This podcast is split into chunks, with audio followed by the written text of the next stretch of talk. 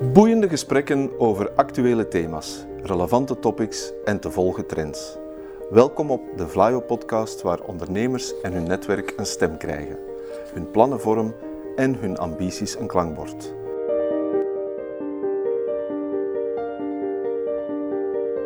To the point waar het kan, dieper gravend waar het moet. Inspirerend, informerend, ondersteunend. Van artificial intelligence, blockchain en circulaire economie tot digitale zorg. Wij knopen het in jouw oren. Ik ben Werner van Hoorbeek van Vlaio Team Bedrijfstrajecten en ik heb vandaag opnieuw Bas Sturm te gast voor een boek met haakjes en ogen. Luisteraars die wat meer over Bas zelf te weten willen komen, raad ik aan om de podcast over gigantisme van Geert Noels te beluisteren. Dag Bas. Dag Werner. Bas, laat ik eerst uh, eens even een vraag stellen, een persoonlijke vraag. Welke stad heeft op jou tot nu toe het meeste indruk gemaakt en waarom? Wel, mijn eerste liefde in België was feitelijk een stad, Antwerpen. Goed formaat, historisch, maar toch springlevend en lekker bier, wat toch kenmerkend is voor een slimme stad. Ja, ik vraag het natuurlijk niet zomaar uh, naar die favoriete stad van jou. We gaan het vandaag hebben over een uh, boek van Pieter Ballon, uitgegeven bij Lano. En dat heet De Stad is een boek. Beetje een apart boek in deze reeks, maar de ondertitel Slimme steden, technologie en literatuur dat zegt al veel. Misschien moet ik iets zeggen over de auteur, Pieter Ballon. Hij is communicatiewetenschapper, historicus en expert in slimme stadsprojecten in binnen- en buitenland. Hij is professor aan de VUB en directeur van iMinds, waar hij verantwoordelijk is voor de Smart Cities activiteiten in Vlaanderen. In 2016 schreef hij al een wetenschappelijk onderbouwd boek, Smart Cities, hoe technologie onze steden leefbaar houdt en slimmer maakt. Ik wil ook de luisteraars meegeven dat we binnenkort ook Pieter Ballon zelf aan het woord uh, hebben hier in de studio over dat boek. Ja, Goed idee. Hij zal alleszins veel meer over smart cities kunnen vertellen. Maar zoals je al zei in de inleiding, De Stad is een boek is een heel ander soort boek. Eh, normaal zijn managementboeken heel zakelijk. Uh, dit is mijn mening en dat wordt dan onderbouwd met een aantal bullets. Hier geeft hij een visie op de mogelijkheden en gevaren van slimme steden aan de hand van drie essays.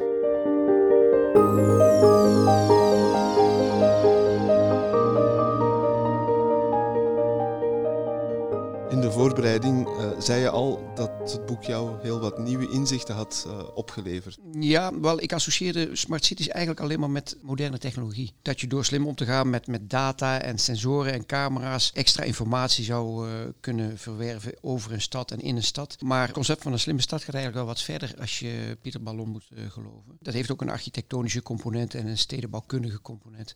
Hij wijst overigens in het boek ook nog wel op een paar beren op de weg die we nog moeten passeren. Misschien moeten we bij het begin beginnen en even toelichten wat een slimme stad voor Pieter Ballon precies is. Hij heeft het eigenlijk over een combinatie van twee systemen. Het systeem van de stad zelf, enerzijds, en een technologiesysteem dat daar als het ware overheen wordt gelegd. Het geheel zou daardoor intelligenter moeten worden. Ik denk ook dat dat werkelijk zo is. En een slimme stad is uitgerust met technologie die data verzamelt en analyseert voor de stad en haar gebruikers. Sensoren, tags, actuatoren, camera's, beacons, smartphones en wearables meten luchtkwaliteit, herkennen de nummerplaten, speuren naar ongeregeldheden, slaan alarm, monitoren verkeersstromen, signaleren verkeersplaatsen, etc. etc. Hij noemt het zelf een Copernicaanse omwenteling. Wel, hij wijst er terecht op dat de meeste tech-apps die we vandaag kennen, denk aan Snapchat en Instagram, Facebook en zelfs LinkedIn, allemaal heel erg op tijd inwerken. Eigenlijk uh, voer je dat zelf. Hè? Dus je geeft zelf extra informatie over jezelf. Terwijl digitale stadsdiensten eigenlijk meer zijn. Die werken niet met tijd als grondstof, maar met ruimte. Contextueel, waar bevind je je? Ja, dus je kunt nu gewoon extra informatie toegevoegd krijgen. Van oké, ik bevind me nu hier. Hè. Jouw smartphone die herkent dat. En dan zegt hij oké. ik heb honger, hier is een restaurant. Ja, voilà. Of dus, ik heb dus, zin in een uh, museum, hier zijn de. Ja, is, nu dat je hier bent, weet dat dit en dit in de buurt is. En dat tijdskritisch, ja, dat gaat dan over uh, real-time informatie. Over, over zaken die, nou, misschien uh, dit restaurant sluit nu.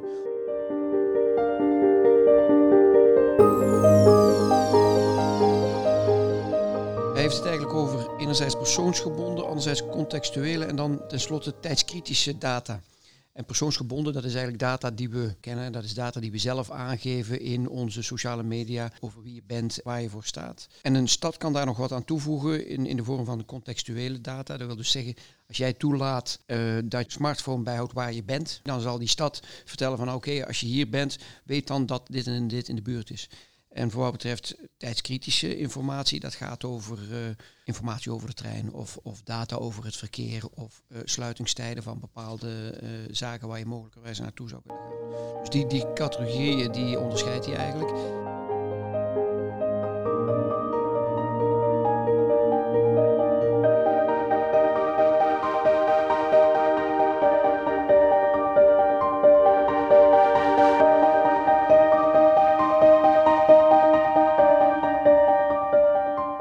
De slimme stad betreft is het niet alleen vrijheid, blijheid. Hij heeft ook een zekere bezorgdheid dat de data die we capteren en gebruiken niet te ver doorschieten. En in functie daarvan schuift hij drie ontwerpprincipes naar voren.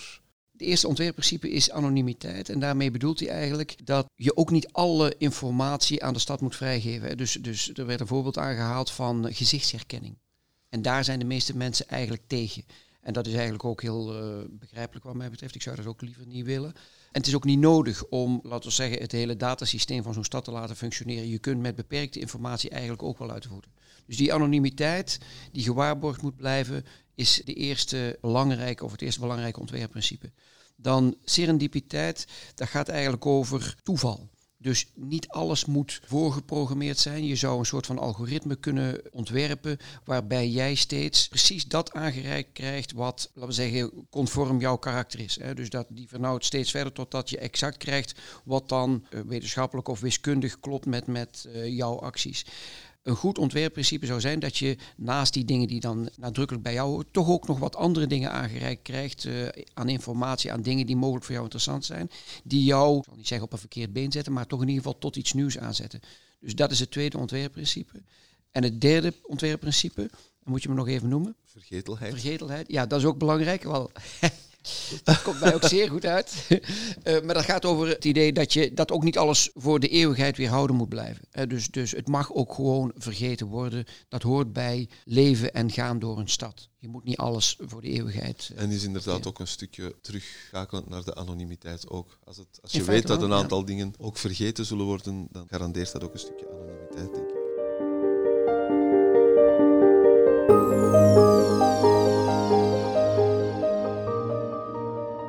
Dat was het eerste essay en dat uh, verkende de mogelijkheden en een stukje de valkuilen van een slimme stad. In het volgende essay, de stad als gezelschap, gaat hij nog een beetje verder. Ja, daar gaat hij in op de stad als gezelschap en eigenlijk dus over, over de spanning tussen enerzijds de stedeling en anderzijds de vreemdeling.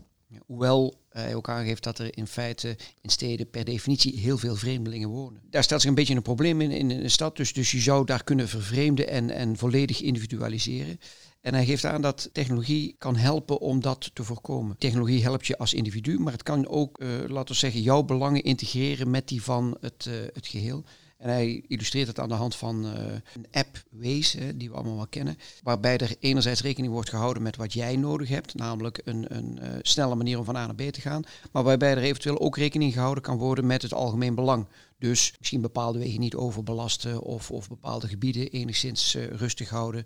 Enfin, je kunt dus de belangen van het gezelschap, van het geheel, integreren met die van het individu. Inderdaad, in dat tweede essay duikt de schrijver inderdaad uh, wat dieper in naar wat een stad precies een stad maakt. En hij kijkt ook naar de geschiedenis en toont aan dat er uh, in dorpen, zoals hij zegt, geen geschiedenis gemaakt wordt, maar in steden wel. Dat klopt. Uh, jij geeft een voorbeeld van de eerste volwaardige stad Uruk, waar dan bijvoorbeeld het schrift is ontwikkeld. Om aan te geven, je hebt een stad nodig om, om tot dat soort grote historische feiten te komen.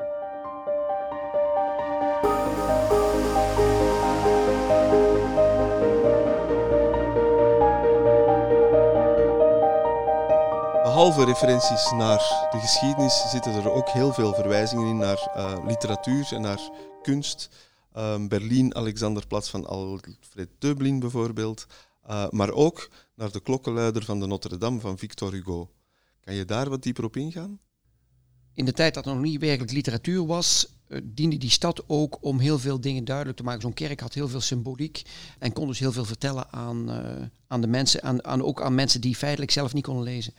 De eerste voorspelling was toen uh, er de boekdrukkunst ontstond, dat die functie van de stad zou wegvallen. Dat blijkt uiteindelijk overigens mee te vallen, want hij gaat dan verderop in het boek wat dieper in over, op, op, laten we zeggen, hoe een stad alsnog wel kan, kan vertellen. Ja, wat dat betreft heeft hij het inderdaad over de leesbaarheid van de stad hoe je als bezoeker van een stad toch dat lost in translation gevoel dat we allemaal kennen als je in Tokio of een stad komt waar de taal ontbreekt, hoe dat je daar toch mee om kan gaan. Hij heeft het over drie principes.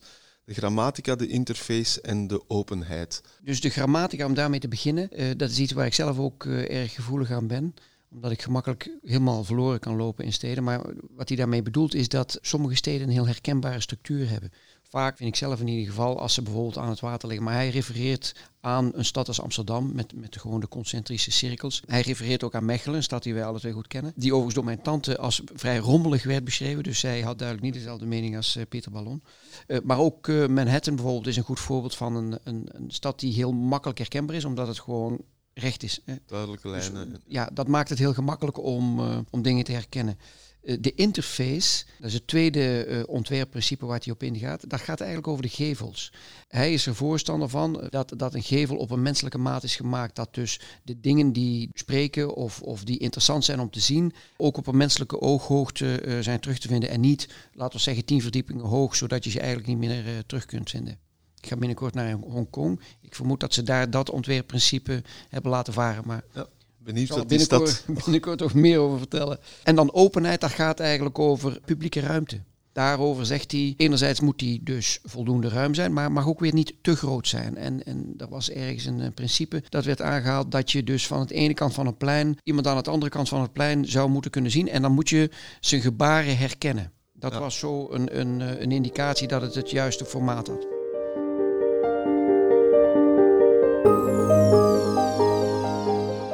Dat begrijp ik het goed dat het hele boek een beetje toch een pleidooi is om een slimme stad op mensenmaat te houden en te maken.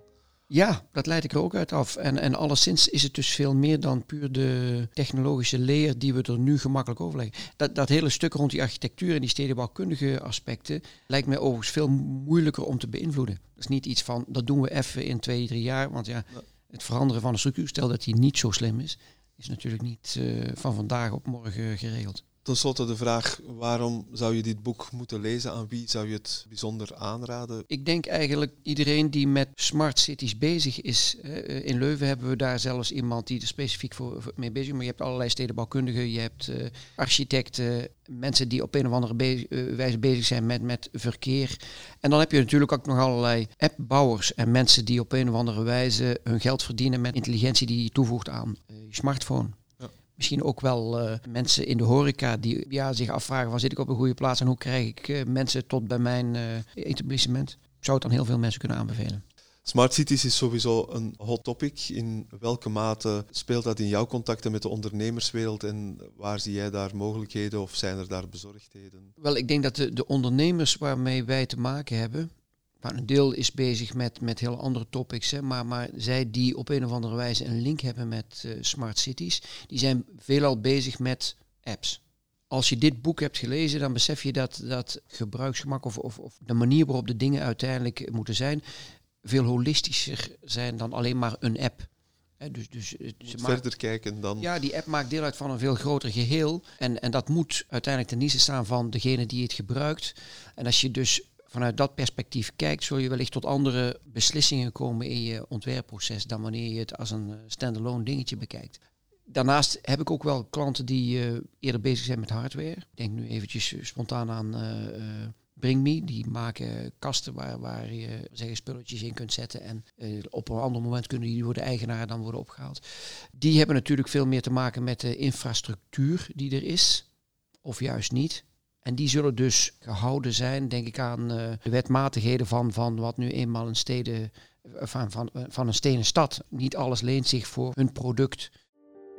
Wist je dat Vlaio bedrijfsadviseurs klaarstaan om jou als ondernemer te ondersteunen en te adviseren?